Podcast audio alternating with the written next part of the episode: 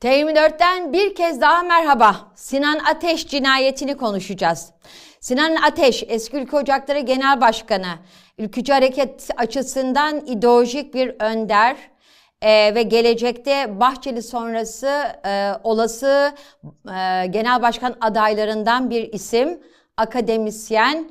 30 Aralık'ta yani tam 3 hafta önce Ankara'da silahlı bir saldırı sonucu öldürüldü.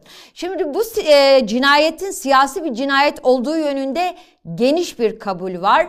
Çünkü cinayetle ilgili soruşturmada kimi e, uçlar MHP'ye kadar uzanıyor.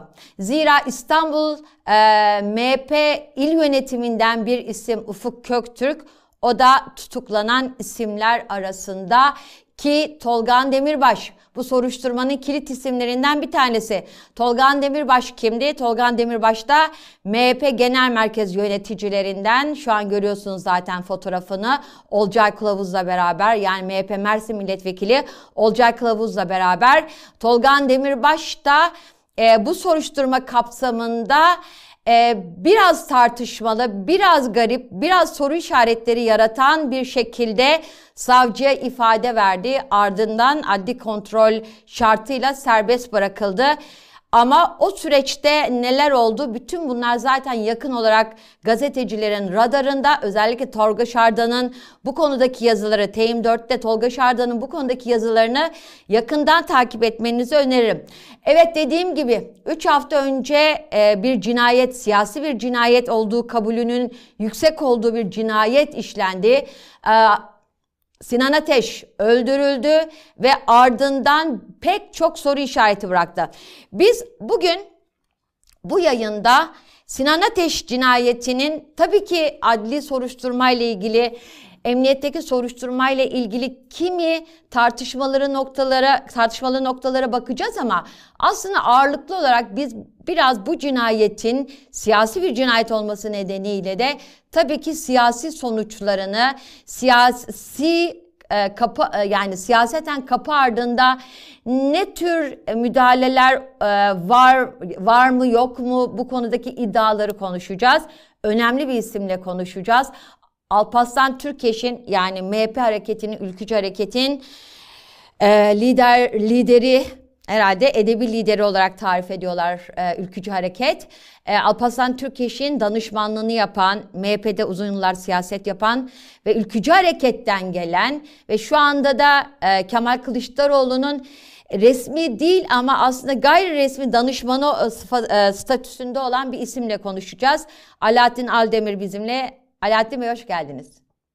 Hoş bulduk Canan Hanım. İyi yayınlar diliyorum. E, teşekkürler.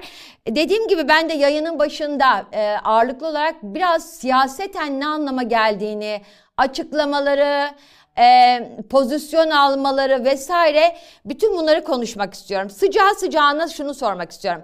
Şimdi Bülent Arınç uzun zamandır zaten sessizdi ama dün ve önceki gün sessizliğini bozdu. Bülent Arınç neden önemli? Çünkü e, Milli Görüş geleneğinden gelen bir isim AKP'nin en çekirdek kadrosundaki isim zaten kurucu isimlerden bir tanesi.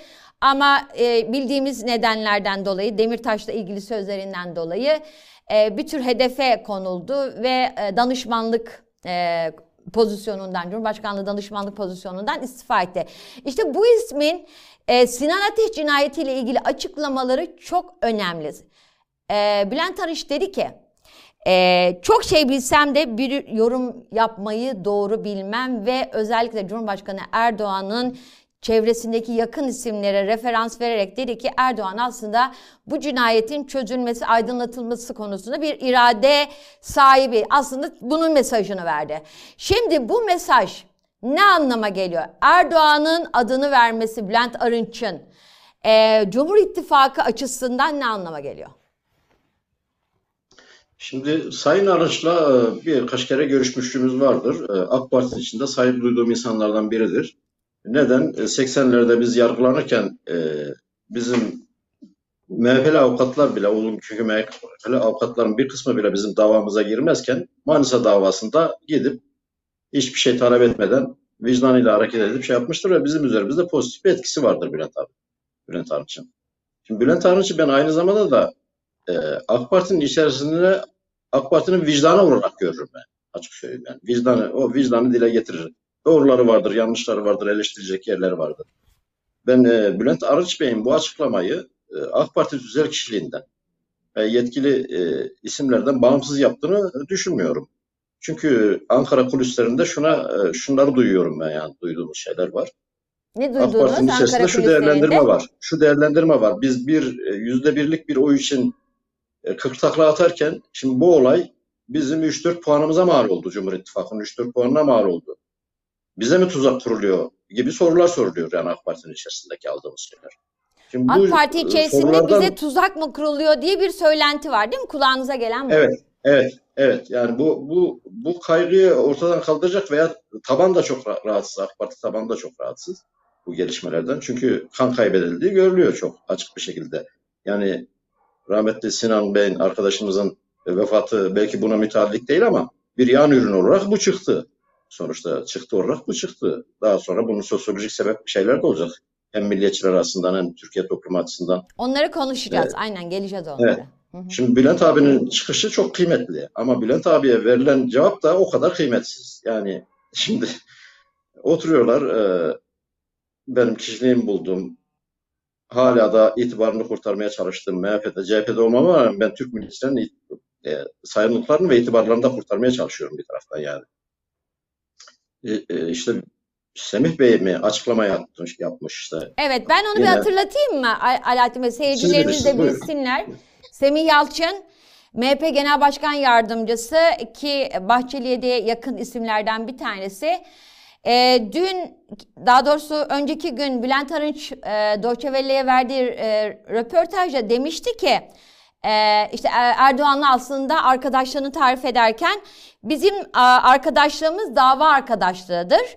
Başkalarının mafya liderleriyle veya suç örgütü liderleriyle bir aradaki fotoğraflarına bakarak değerlendirmeyin demişti Bülent Arınç. O fotoğrafta da herhalde ne kastedildiği herkesin malumu. Ee, herhalde Alaaddin Çakıcı'yla Devlet Bahçeli'nin ya- yan yana verdiği fotoğrafı kastediyordur diye düşünüyorum. Tabii bunun ardından Semih Yalçın yani Bahçeli'nin sağ kolu Bülent Arınç'a çok ağır ifadelerle bir tweet attı. Hemen onlardan bir bölüm okuyayım.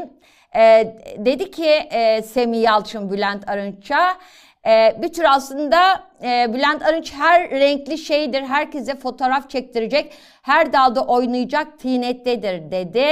Ve e, tabii ki bu açıklamalarının, Arınç'ın bu açıklamalarının Cumhur İttifakı'na dönük bir e, bombalama olduğunu söylüyor. E, ve aslında bu haliyle Arınç Cumhur İttifakı'nı sabote ediyor diyor ve Arınç e, elini, eteğini, çatal dilini politikadan çekmelidir e, diyor Semih Yalçın. Ne rahatsızlık yarattı sizce? Arınç'ın hangi sözleri rahatsız yara- yarattı? Özellikle Sinan Ateş e, cinayetiyle ilgili söz, söylediği sözler rahatsızlık yaratmış olabilir mi yoksa bu fotoğraf meselesi mi? Yani rahatsızlık yaratmamış olmasa herhalde e, bu kadar atarlı genç e, ne diyelim söylemiyle ortaya çıkılmaz. Yani hep bunu yapıyorlar ama e, dil bu olmamalı ya. Dil bu olmalı. Bülent Bey en azından bu demeci veren MHP'deki beyefendinin en azından büyüğü yani yaşça büyüğü, şeyce büyüğü. Cumhur İttifakı'nı e, sabote ediyor diyor. Ya, bu meşhum olayın Sinan şeyinin müsebbibi Bülent Bey mi? Bir vicdanen dile getiriyor. Bildiğim şeyler var. O ki o getirdiği şeyler de ben eksik buluyorum. Yani bildiğim her şeyi konuşamam diyor. Ben orayı da şey görüyorum yani böyle anlamlı buluyorum. Neden konuşamazsınız? Ne sizi engelleyen ne? O da çok garip orada değil mi? konuşamam Hani böyle derken- bir konuşamam derken aslında- gösterip tam açıklama yapmamak. Sonra onu Bülent Evet. Arınç şöyle gerekçelendirdi. Yani işte ben em, hedef olacağım. Hedef olarak da aslında bir tür e, bütün e, o şeyler, ışıklar, objektifler bana dönecek. Halbuki orada bir soruşturma var. Böyle gerekçelendirdi. Ama sizce Ne- şimdi nasıl şimdi hedef hedef olmamış mı oldu yani bir gerçeği dile getirmeyerek bildiği gerçekler varsa dile getirmeyerek hedef olmamış mı oldu? Spotlar üzerine dönmemiş mi oldu? Burada da ben yani yetkili kurullarda etkili insanların böyle yarım ağız konuşması bu Sayın Ağar'la başladı. Bir tura çekilirse işte o turun altına kalırız rahmetli Uğur Mumcu'nun şeyle söyle. böyle şey oldu. Ya işte Sayın Davutoğlu da diyor ben konuşursam bilmem ne olur. Öbür, ya bir konuşun da biz de bilelim vatandaş olarak. Şimdi risk alırım. E ben de risk alıyorum. Sizin en azından korumalarınız var, dokunulmazlık var, devlet zırhınız var. Ben sıradan bir vatandaş olarak çıkıyorum ve adaletin peşindeyim. Adalet nöbeti tutuyorum. Doğruların peşindeyim. Çok açık söylüyorum. Bunu, bu olay, bu mümkün olayı unutturmadan bu milletin, insanın milleti oluşturan bireylerin kafasında yer edip bundan sonra bu tür şeyler olduğu zaman kitle halinde tepki göstermemiz amacıyla ben bu konuşmaları yapıyorum açık söyleyeyim. Hı hı. CHP'deyim ama kim kime oy vermiş beni bu olayla ilgili beni hiç ilgilendirmiyor. Hı hı. Bu samimi bir şeyimdir yani. Şimdi Bülent abinin şeyi eksik. Bülent Arınç Bey. Ama ona verilen cevap yani bir yere koyamadığım bir cevap yani. Hakaret, yine hakaret, yine atar, yine gider, yine tehdit üstü kapalı. Yani bir Peki, yere koyamıyorum Bey, Şunu merak ediyorum. Şimdi Bülent Arınç, Arınç'ın daha sonra e, açıklamaya çalıştığı o sözü yani çok şey bilsem de bir yorum yapmayı doğru bilmem sözü ve beri taraftan da işte sizin Ankara'da çok konuşulan, kulislerde konuşulan çok şey var e, ifadeniz. Yani bu aslında herkesin bildiği sır olarak tarifleyebileceğimiz bir cinayet mi? Aynen, aynen siz dile getirdiniz benim kuramadığım cümle. Herkesin bildiği bir sır ya. Bu sır da değil artık yani. E ne diyelim işte seçim öncesi işte zarar görmeden nasıl çıkarız yaklaşımının sonuçlarını yaşıyoruz. Şimdi ben şuna inanmıyorum yani Türk Polis Teşkilatı bu tetikçiyi yakalayamaz. İşte bir milletvekili siz buraya girmeyin deyince giremez. İşte ya bizim teknolojik donanımımız, Milli İstihbarat Teşkilatımızın donanımı, polisin donanımını inanın yani dünyada sıralama içerisindedir, ilk üçtedir yani. Eğer e, bu siyasi kuşatma ortadan kalkarsa ki ben bunu siyasi bir baskı ve kuşatmanın olduğunu düşünüyorum. Bu benim yorumum. E, Türk Polis Teşkilatı inanın bunu 60 dakikada bulur. 60 dakikada açıklar her şeyle ortaya koyar. Ama burada e, tabii her zaman bizim bu coğrafyada sonuçta biz Ortadoğu ne kadar batıya yönelmişsek de hala kodlarımızda Ortadoğu toplumlarının şey var. E, hukuk e, siyasi rakipleri susturmanın, tasfiye etmenin aracı olarak kullanılmıştır hep. Bu sürecin de burada ne diyelim daha layık bir halini görüyoruz. İşte bazı 13 kişi tutuklanmış. Bunlara bakıyorsunuz. Bunların hemen hemen hepsi uyuşturucu bilmem neyi. Ama burada yani işin polisiye tarafını hemen şey yapayım yine oraya dönüyorum. Ya bu, bu tetikçi nasıl yakalanmaz? Peki bu milletvekili, MHP milletvekilinin evine Herhalde niye gider? O tetikçiyi taşıdı, taşıyan, taşıyan, taşıdığı söylenen adam oraya niye gider? Gittikten sonra polis dosyanın içini niye boş bırakır? Herhalde Bülent Bey de bunları hı hı. kastediyordur diye düşünüyorum. Eğer benden daha fazla yorum yapıyor. Ben yorum yapıyorum yani. Tolga Bey'den falan şey yaptım.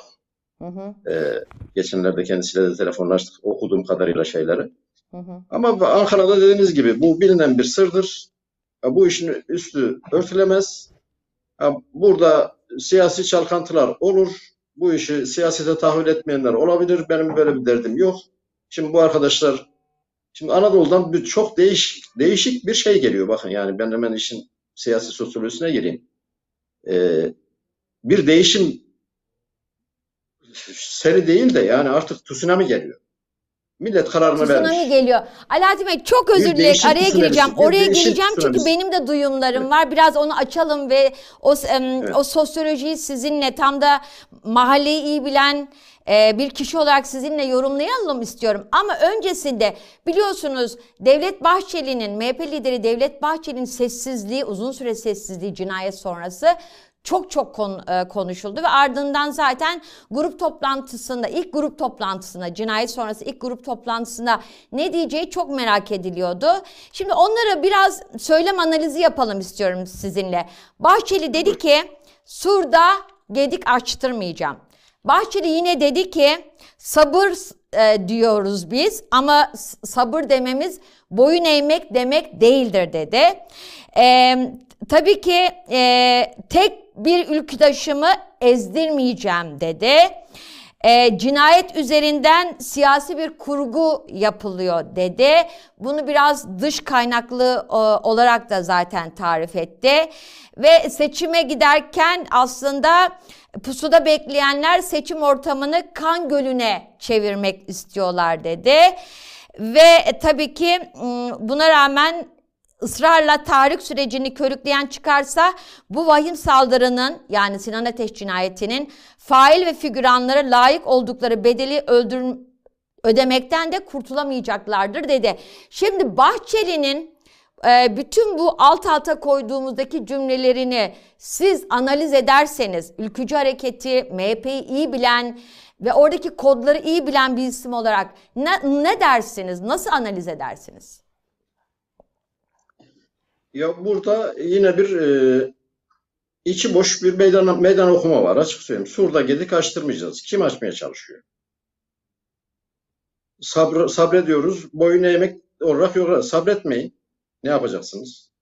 Bir arkadaşımız öldürülmüş ve boyun eğmek. Tek bir ülküdaşımı vermem. E, Sinan rahmetli ülkücü değil miydi? E, ben ülkücü değil miyim?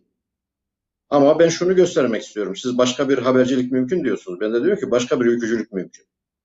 İnsani değerleri merkeze almış, medenileşmiş, insanların temsil ettiği, insanlığın önüne projeler koyan, insanlığın ihtiyaçlarına göre projeler koyan, e, Batı yani bizim milliyetçilik anlayışımızın etnisiteye indirgenemediği, karşılıklı bir şey dayatamayacağımız, ortak gelecek tahayyülü hayal edeceğimiz bir ülkücülük tarif ediyorum ki bunun adında ben yıllar önce sivil ülkücülük koydum. Başka ne diyor? Niye? Cinayet üzerinden bir kurgu. Kim kuruyor? Bunları açıklaması lazım. Pusuda bekleyenler var. Kim bekliyor? Ortalığı kan gönüle döndürecekler. Kim döndürüyor? Vallahi ben bu kurumsal yapının başında falan oturmuyorum. Varsa böyle bir şeyler kimse karnından konuşmayacak. Diyecek ki kardeşim şu şudur, olay budur, azmettiriciler budur. Ha, bu azmettiricilere atıyorum uluslararası bir istihbarat örgütü karışmışsa, böyle bir duyum veya bilgi varsa diyecek ki şu istihbarat örgütü de karışmış.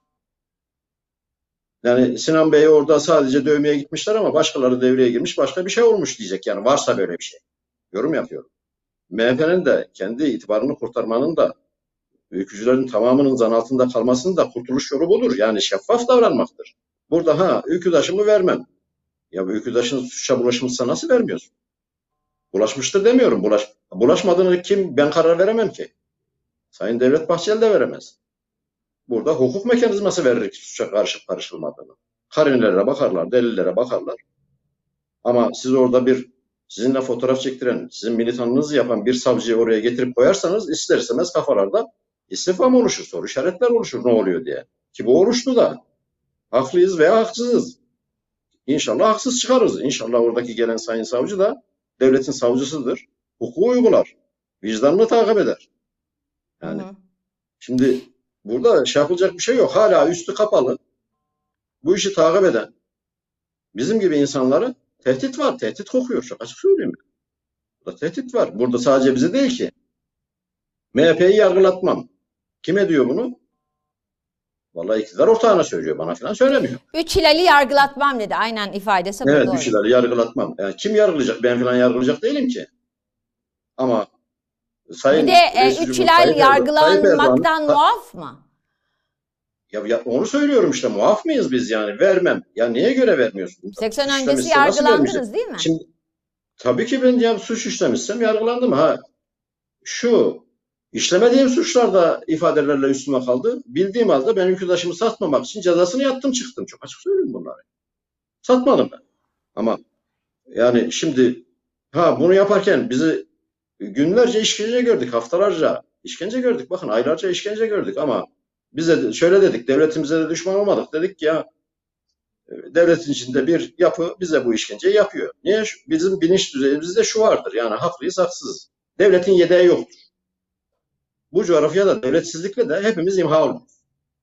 Yugoslavya'yı gördük işte. Irak'ı gördük, Suriye'yi görüyoruz, Libya'yı gördük. E, Mısır direkten döndü. Yüzlerce yıllık tarihsel birikiminden dolayı Türkiye gibi. İran sınırda bekliyor. Şimdi bunun için de e, biz yıpranmasın diye ağzımızı açmadık. Ha bize inanın ya bu sol liberal aydınlar Devlet Bey överken bizim gibi arkadaşlarımıza Türkiye dar edildi ya. Ülkücüler tarafından dar edildi. MHP'deki MHP'nin yani MHP ile diyalog olan insanlar tarafından dar edildi. Yüzlerce arkadaşımız dayak yedik. Peki Alaaddin ayağına Bey mermi sıkılan, ayağına mermi sıkılan arkadaşlarımız oldu. Adana'da Mahir Panayır işte ayağına mermi sıkılan arkadaşı verilen mermi sıkan adamı götürdüler bir ilçeden belediye başkan adayı yaptılar. Seçildi, başka suçları çıktı, belediye elinden alındı. Şimdi biz bunları bugüne kadar hareket zarar görmesin diye sustuk. Ama burada hata yapmışız. Ben de bir öz eleştiri yapayım. Keşke bu, bu bugünkü aldığımız şeyi, riskleri o gün göze alsaymışız da Sinan gibi bir ülkenin yetişmiş evladı öldürülmeseydi. Yani ben inanın dün sabah uyandım.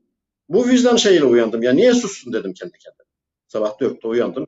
Volta atıyorum yani. Sokağa çıktım öyle sıkıntıdan. Ya dedim niye sustuk ya? Susmayacağız bu saatten sonra. Bunları analiz edeceğiz bakın.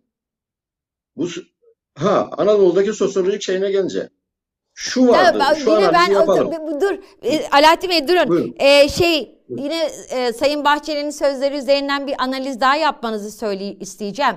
Şimdi Buyurun. e, MHP lideri Bahçeli dedi ki e, işte bu si- siyasi bu, daha bu cinayet üzerinden siyasi kurgu yapanlara bir kez daha haykırıyorum. Adayımız belli, kararımız nettir. Yani diyor ki Cumhur İttifakı'na yönelik bütün bu yani cinayet sonrası gelişmeler aslında Cumhur İttifakı'nın bekasına yönelik olduğunu iddia ediyor. Benim siyasal okumam da şu. Aslında Bahçeli Cumhur İttifakı'nın asıl e, kurucusu ve asıl e, gövdesi olan herhalde AK Parti'ye mesaj veriyor diye düşünüyorum. Ya mesaja gerek yok ki. Eğer bir tuzak kurulmuşsa gerçekleri ortaya çıkarırsınız, bu tuzağı bozarsınız. Bu kadar basit değil mi? Devletin tüm imkanları elinizde. Devleti bir araç olarak düşünürsek direksiyonda da direksiyon da sizde. Yani silecekler de sizde. Düğmelerin hepsi sizde. Ama Biz olay hakiki seyrediyoruz. anlamda araştırılır, soruşturulur, derinlemesine gerçekten bir soruşturma yürütülürse ve siyasi ayaklar çıkarsa bu da herhalde Tamam, Cumhur İttifakı da- için iyi olmaz. Yani Devlet Bey'in şeyinden gideyim, e, mantığından gideyim. Ya öyle bir şey tuzak kuruldu. Vallahi ben dışarıdayım. Ben böyle bir tuzak kuramam. Tuzak kurursa yandakiler kurmuştur sanırsız. Bunda ada geçen kimse onlar kurmuştur. Yani düz mantık yürütüyorum. Ya bunları yargılatırsınız şeffaf bir şekilde. Suçsuzlarsa zaten problem yok. Biz de deriz ki ya özür dileriz. Biz bir hata yapmışız. Hukuken de mahkemeye verilirse cezası neyse katlanırız. Ama bu iş böyle kapatılırsa bakın yani e, yine oraya döneceğim. Ana, Anadolu'da ülkücü harekette itaat kültürü vardır. İslamcılarda biat kültürü vardır. İtaat kültürü bir yere kadardır. Şu, bu anki şu anki itaat kültürü infiale dönüştü. Ülkücülerde. Yarın bu üçüncü ayağa gelecek. Bakın eğer bu işin üstü kapatılırsa. Ee, ne İsyan, gelecek isyan- demiştiniz? Du- Duyamadım onu. Efendim? Bu olay kapatılırsa İnfial, infiale dönüştü. Psikolojik Hı. bir infial içerisinde herkes yani beni arıyorlar gerçekten doğru mu bu işler?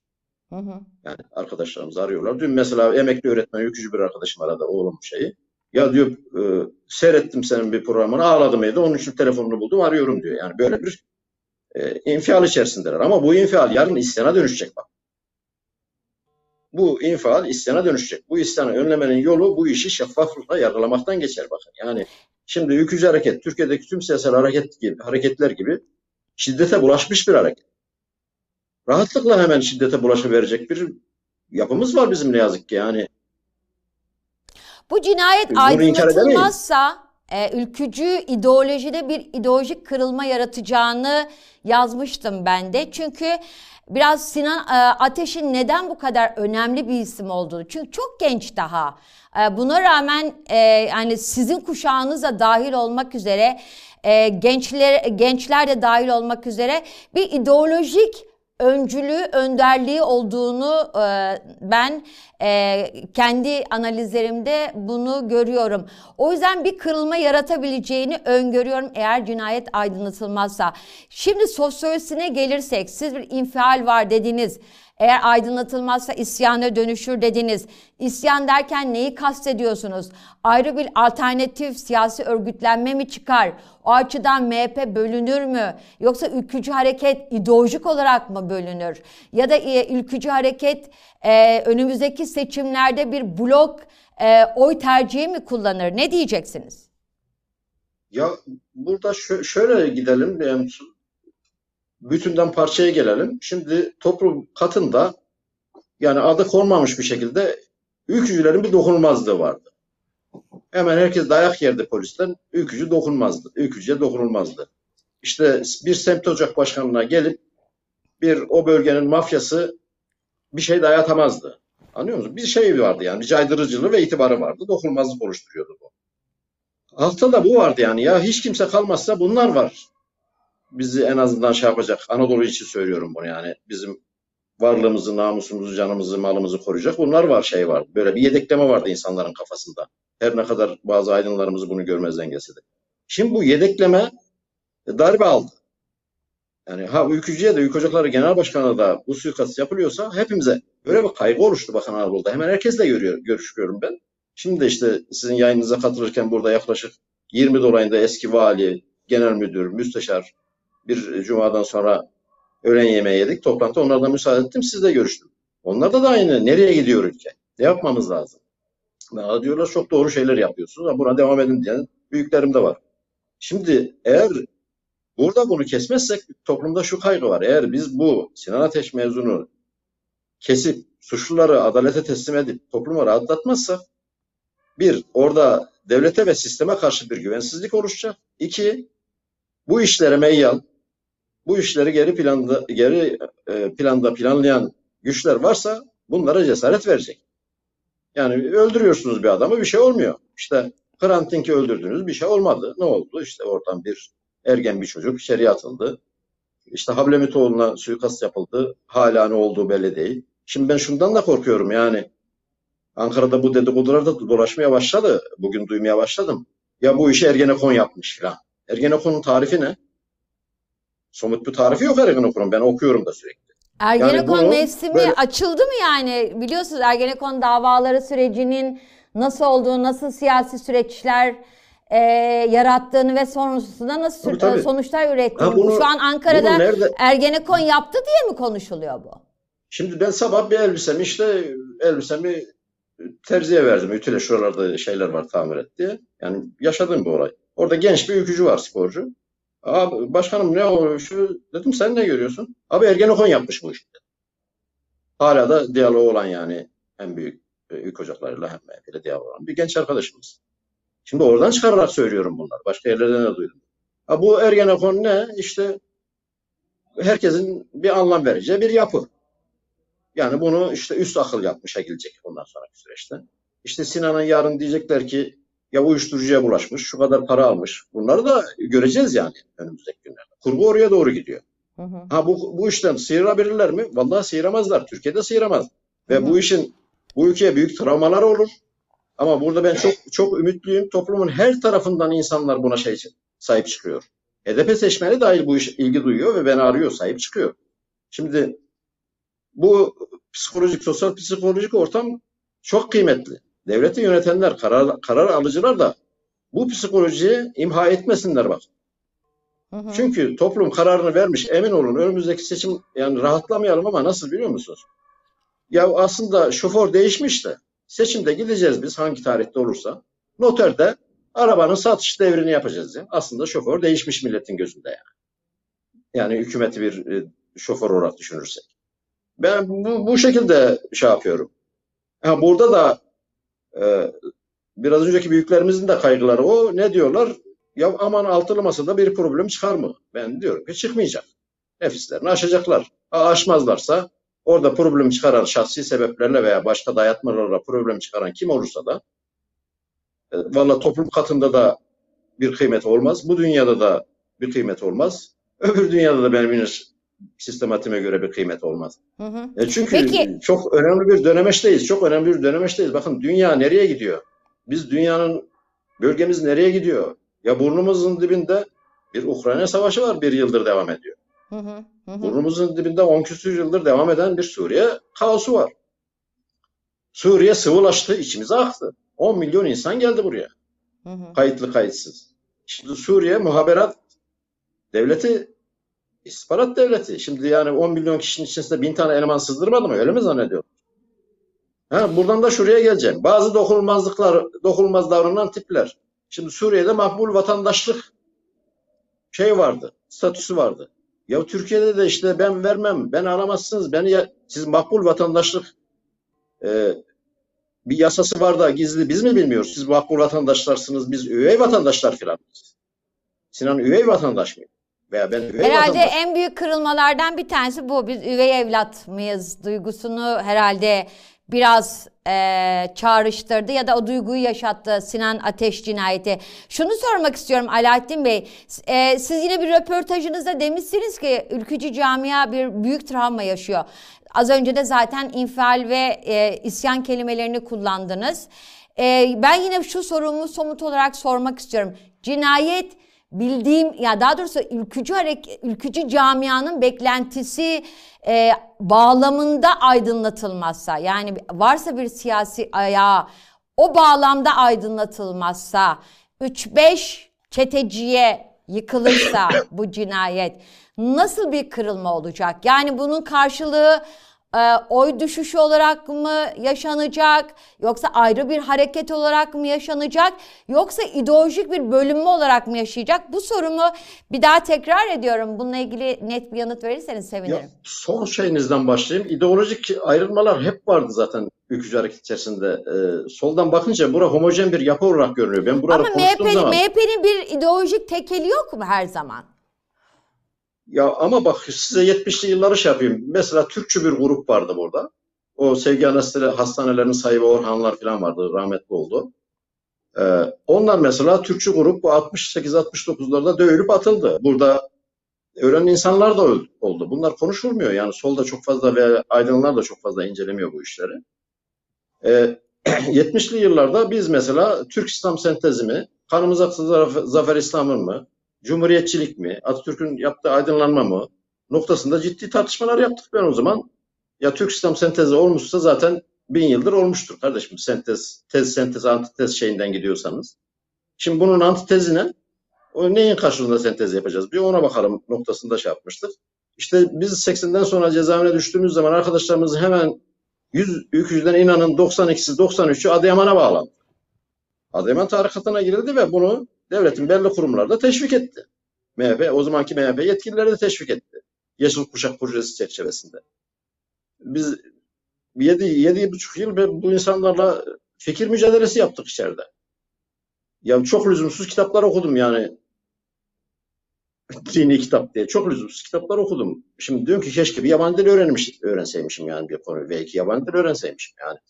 Şimdi 80'den sonraki süreçte rahmetli Muhsin Yazıcıoğlu ekibi ayrıldı. Türkeş'i yeterince Müslüman olmamakla müesses nizamın politikalarını Hı hı. destek, Evet. desteklemekle suçlayıp ayrıldılar ki Türkeş'e kafir, kafir ekber diyen insanlar şu an Devlet Bey'in yanında milletvekili genel başkan yardımcıları. Yani kafirlerin en büyüğü diyen insanlar. Hı hı. Ülkücü hareket yekpare bir şey değildi zaten. Ama Hı. bu iş daha büyük bir kır- kırılma yaratır ve bu iş e, sadece ideolojik boyutta kalmaz. Sosyolojik boyuta iner. Mahallelerdeki şeyler iner. Birbirlerine düşmanlığa kadar gider diye korkuyorum. Ben bir iki programda da bunu söyledim. Beni çok ürküttü o slogan. Dişe diş, kana kan, Dişe diş, intikam, intikam. intikam, intikam. E, Yani ne demek? Kimden intikam alacağız? Ne yapacağız? evet. Neyin intikamını alacağız? Bu intikamı ha, birileri istiyorsa ki Devlet Bey'in dediği gibi Türkiye'de kaos olsun. Bu iş kapatılacak. Sinan Bey'in arkadaşlarının içerisinde inşallah çıkmaz. Çıkıp onların da hedeflerindeki insanlar bugün benim güvende olmadığım gibi onlar da güvende olmayacaklar. Hı hı. Bu kaos mudur? Evet kaostur. Bu kırılma yaratır mı? Evet yaratır. Uzun yıllara sarih olur mu? Evet uzun yıllara sarih olur. Halbuki biz Türk milliyetçileri olarak oturup ya Türkiye'nin başat problemleri nedir kardeşim? Mesela bu etnik ayrılıkçı Kürt e, hareketi karşısında ne düşünüyoruz? Nasıl çözebiliriz bu işi tartışmamız lazım. Hı hı. Hı Yani toplumsal e, fay hatlarımız varsa bu fay hatlarımızı nasıl çünkü Türk yani bu ülkenin kurucu ideolojisi milliyetçilik ideolojisi. Bakın Türk milliyetçiliği Mustafa Kemal'in birçok özelliği var ama dü- dünya görüşü ideolojide dayatmaz ama sonuçta beslendiği kaynaklar ideolojik kaynaklar. Benim fikir babam dedi Ziya Gökalp. Üç şey koymuş işte Türkleşmek, İslamlaşmak, muasırlaşmak. Bugün Türk milliyetçileri buna kafa yorarken, yorması gerekirken e, ki ideolojiler devletler için önemli aparatlardır. E, İslam İslamcılık bitirildi. Türk Türkleşmek tosladı bir yere. E, muasırlaşmak neydi? Belirsiz hale geldi. Yani iki kadeh rakı içmek noktasına indirgendi yani muasırlaşmak şeyi. E, Bilgiden, teknolojiden, insanlığın ulaştığı insani değerlerden, şimdi insani değerler şeyini konuştu büyüğümüz burada. Mehmet Bey. Biz 167 ülke arasında 123.yüz diyor ya insani değerler sıralamasında dünyada. Şimdi bunlar çok, bunları tartışmamız gerekiyor bizim. Bunları tartışmak gerekirken herkes birbirine gider yapıyor.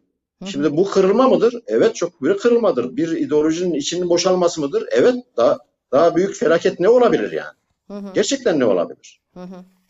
Peki Tolga Şardan bugünkü yazısında e, yazısını kritik bir e, öngörüyle bitirmiş. Demiş ki önümüzdeki günlerde MHP içerisinde siyaset yapan bazı isimlere yönelik gelişmeler yaşanırsa şaşırmamak lazım.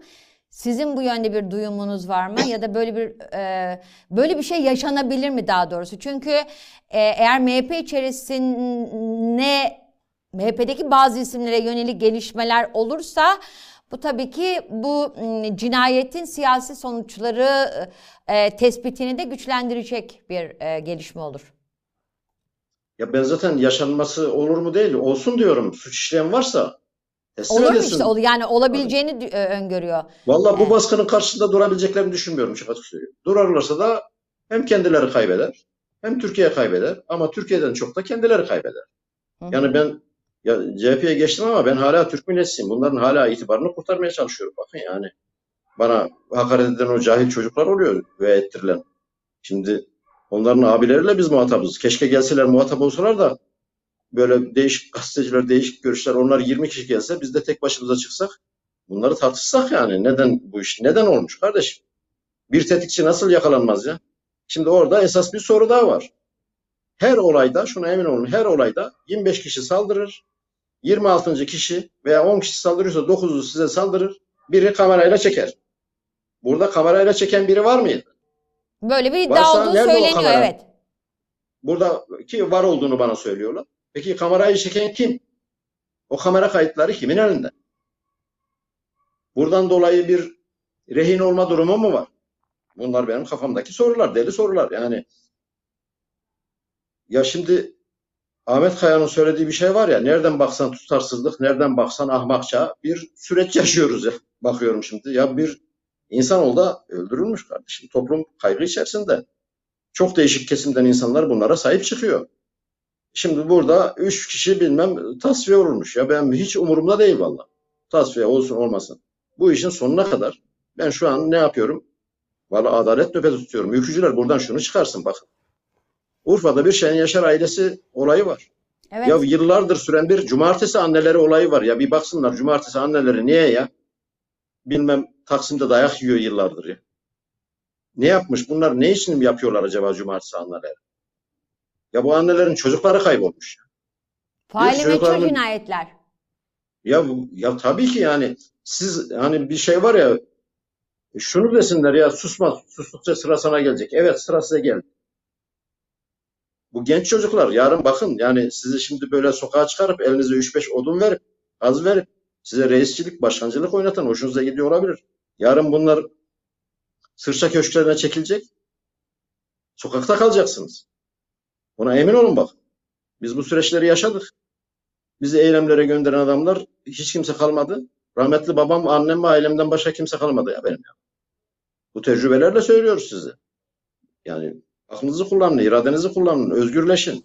Ya lider teşkilat doktrin tartışılmaz. Benim günahlarımdan biri bu. 8'den sonra Türkeş Bey tasfiye olmasın diye bunu gündeme getirip şey- şeylerden biriydik. Ve çok bu konuda kendimi de çok suçlu hissediyorum açık söyleyeyim yani. Niye Evet oraya tartışılmaz geleceğim. kardeşim? Zaten susma sustukça sıra sana gelecek.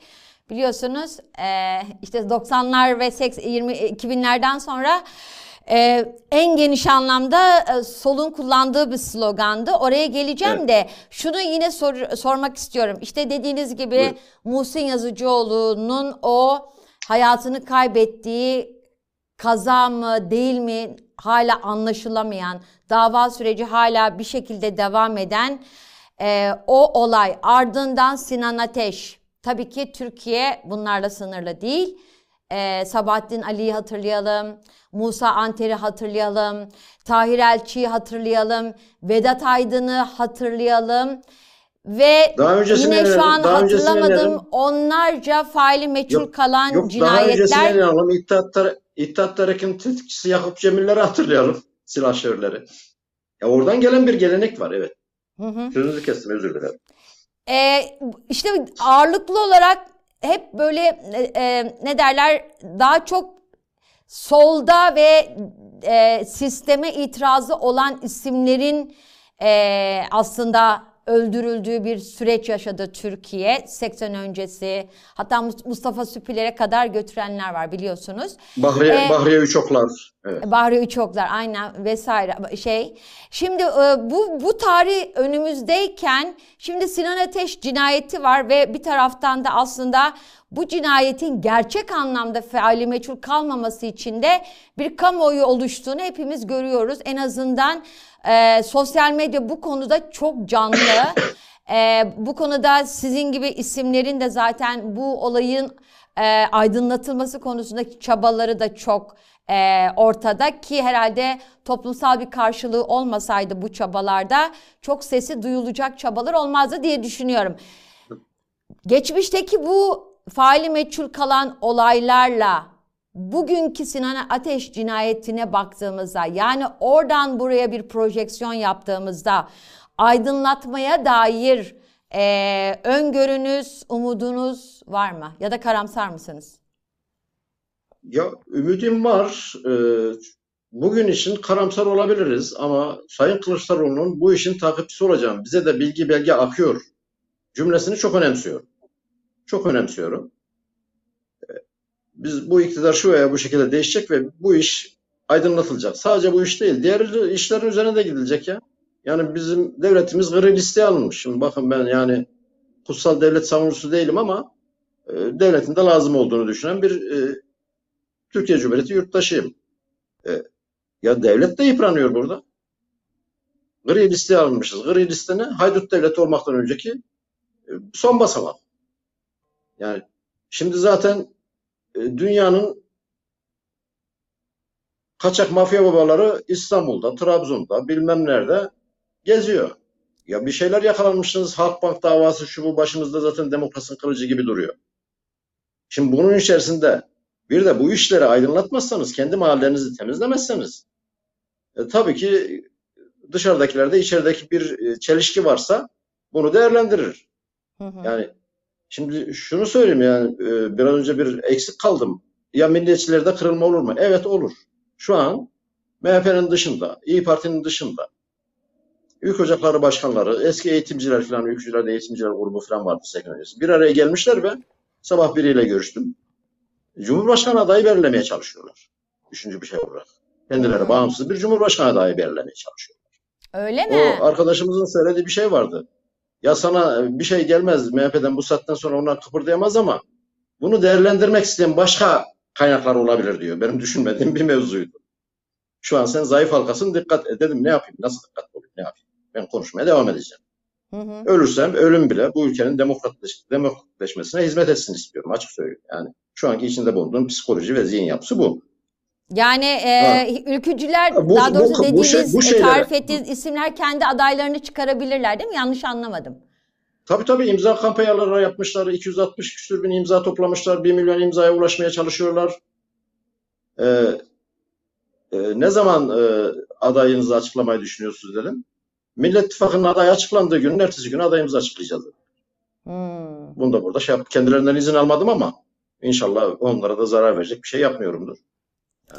Peki Alaaddin Bey, e, belli ki bu cinayet e, öyle de böyle aydınlatılmazsa e, siyasi sonuçlar üreteceğini e, zaten öngörüyorduk. Sizin bu bilgileriniz de herhalde bu öngörünün altını dolduruyor diye düşünüyorum. Son olarak şunu soracağım. Dün Hrant Dink'in katledilişinin onun 16. Evet. yılında ben de gazeteci olarak oradaydım ve e, sol, sosyalist e, kimi isimlere Sinan Ateş cinayetini de sordum. Çünkü Sinan Ateş cinayeti de e, siyasi bir cinayet olarak nitelendiriliyor. Ve faili meçhul cinayetlerde ağırlıklı olarak si siyasi cinayetlerde yaşanıyor biliyorsunuz. O genel kanı şuydu, daha doğrusu genel ifade şuydu. Ee, evet siyasi bir cinayet olması nedeniyle mahallelerimiz farklı olsa bile bu burada bir e, ilkesel bir tutum olarak bu cinayet aydınlatılmalı ve bu cinayetin aydınlatılması konusunda toplumun bütün kesimleri aslında bir tür irade koymalı. Minvalinde açıklamalar yaptı. Ben şunu hatırlıyorum. Yanlışsam beni düzeltin. Hrant Dink öldürüldüğünde 2007'de ve tabii ki aradan 16 yıl geçti. Ülkücüler hiç sesini çıkarmış mıydı? Ben Hiç hatırlamıyorum. sesini çıkarmadılar. Tam hiç çıkarmadılar. Ben de yani o zaman e, ben TRT'de, TRT Haber'de olması lazım. Bir arkadaşımız program yaptı. O programda e, yanlış hatırlamıyorsam yani seyretmedim de uzun yıllar geçti. Bir gece yapmıştık programı. Ondan sonra da o programı kaldırdılar zaten. O pro- TRT'deki son program oldu arkadaşımızın. Ya niye öldürdük biz Hrant'ı? Gücümüz kendi Kürdümüze, kendi Ermenimize mi yetiyor? Tamam başka kimseyi de öldürmeyelim ama ne yapmak istiyoruz diye sormuştum biliyor musun? Rahmetli Hrant demiştim. Rahmetli Hrant dediğim için de bana bir sürü e, hakaretlerde bulunmuşlardı. Ama e, şimdi sol yaşadıklarından bir e, ilke çıkarmış.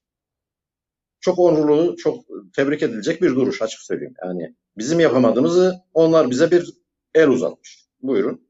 Biz bu eli sıkmak zorundayız Türk milliyetçileri olarak.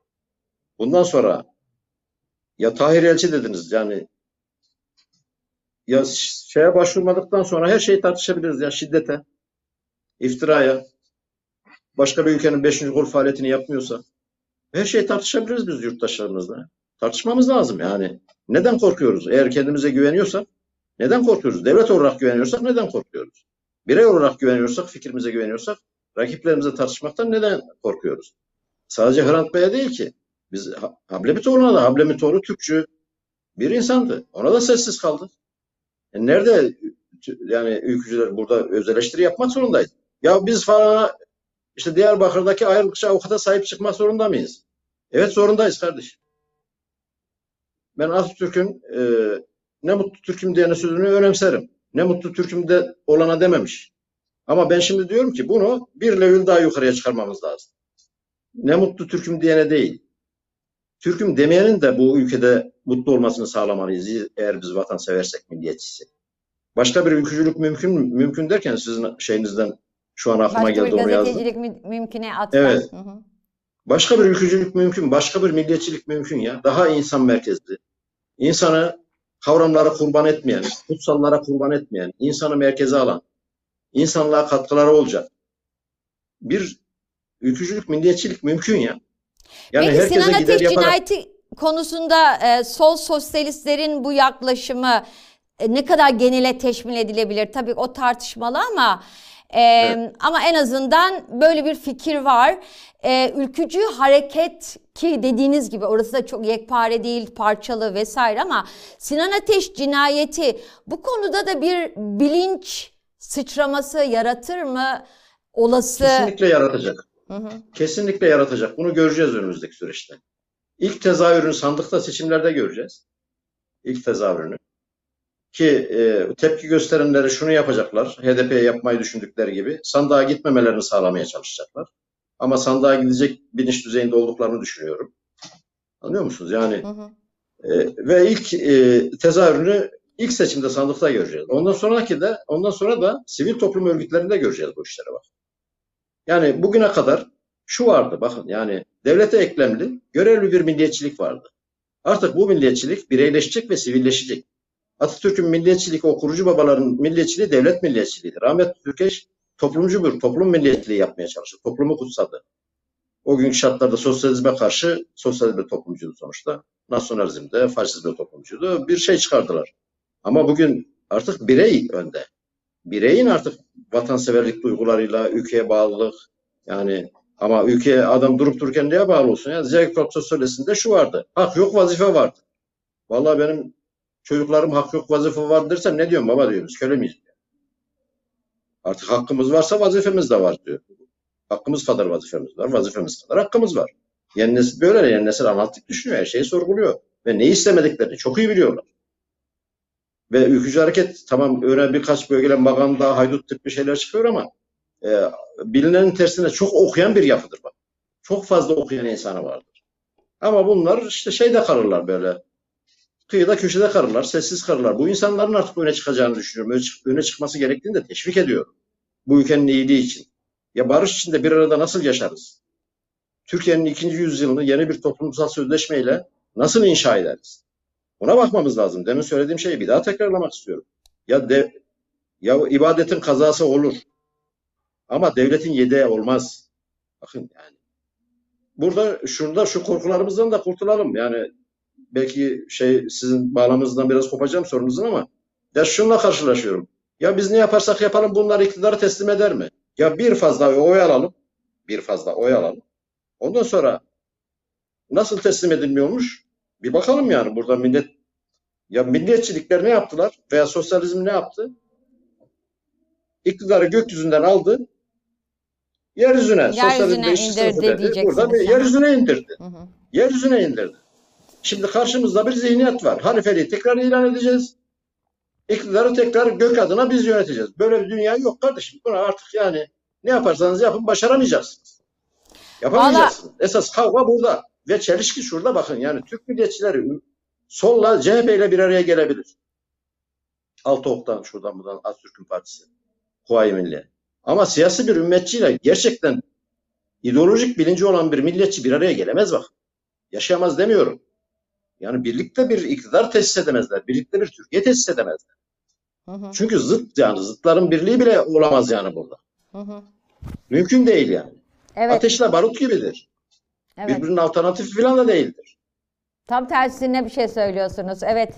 Alaaddin Bey çok çok teşekkürler. Yaklaşık bir 50 dakikadır beraber e, bu meseleyi siyaseten e, altını doldurmaya çalışıyoruz. Siyasi sonuçlarını analiz etmeye çalışıyoruz. Çok önemli iki şey söylediniz herhalde onların altını çizmem gerekiyor bu yayında da. Bir tanesi e, bu e, bu cinayetin ülkücü camiada en geniş anlamıyla tabii ki parçalı olduğunu herhalde e, bir, bir kere daha hatırlatmamız gerekiyor. En geniş anlamıyla bir infiale e, yol açtığını, travmaya yol açtığını ama bunun da aslında bir tür e, siyaseten ve toplumsal olarak iyi sonuçlar doğurabilme potansiyeli taşıdığını söylediniz. Ve e, 260 bin bir imza toplanıyor ülkücüler kendi adayını çıkarmak açısından. Gerçekten siyaseti etkileyecek bir e, şeyden bahsediyorsunuz. Ya, evet son cümlem şu olsun. Bu infial şu bu zamanla e, sorgulamaya sebep olacak ve sorgulama beraberinde bireysel özgürlüğü, zihinsel özgürlüğü getirecektir. Evet, bireysel ülkücülüğün gelişeceği yeni bir döneme giriyoruz diyorsunuz siz. Evet, evet. Sayın e, Aldemir çok teşekkürler. Gerçekten teşekkür e, sizin hem o camiayı bilmeniz, o geçmişten gelmeniz, işte devletle yüzleşen bir ülkücü olmanız, e, cezaevini görmeniz, ideolojik alandaki e, bütün o birikimleriniz tabii ki bu meselenin tam da en kaba haliyle okunmasını e, okunmasının ne kadar zayıf olduğunu göstermesi açısından da önemliydi sizin bu değerlendirmeleriniz.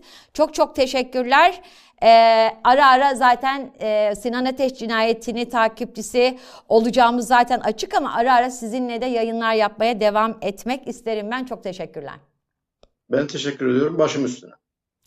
Evet sevgili T24 takipçileri, e, eski Ülke Ocakları Başkanı ve aynı zamanda e, Alparslan Türkeş'in danışmanı Alaaddin Aldemir'le Sinan Ateş cinayetinin olası siyasi sonuçlarını konuştuk. Önemli bilgiler verdi. Bir tanesi ülkücülerin kendi Cumhurbaşkanı adayını çıkarma konusunda bir örgütlenme içinde olduğunu söyledi. Ve beri taraftan da AK Parti içerisindeki bu cinayetin e, ciddi huzursuzluk yarattığını söyledi. Bunlar herhalde siyasi sonuçları olup olmayacağı e, sorusuna yanıt olabilecek gelişmeler diye düşünüyorum. Başka bir yayında görüşmek üzere. Hoş kalın, hoşça kalın. Tabii ki YouTube kanalımıza abone olmayı unutmayın. Başka bir gazetecilik böyle mümkün.